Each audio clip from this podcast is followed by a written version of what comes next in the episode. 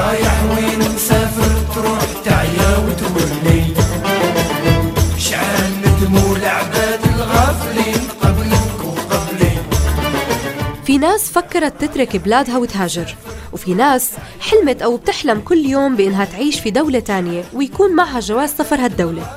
أسباب ودوافع كتير بتأدي لهالتفكير يمكن لتحسين الوضع المادي أو الحصول على فرص أكبر من الفرص اللي موجودة في بلادنا. بودكاست يا رايح. خصصنا خمس حلقات بتتناول قصص مهاجرين عرب تركوا بلادهم وخاضوا تجربة الهجرة.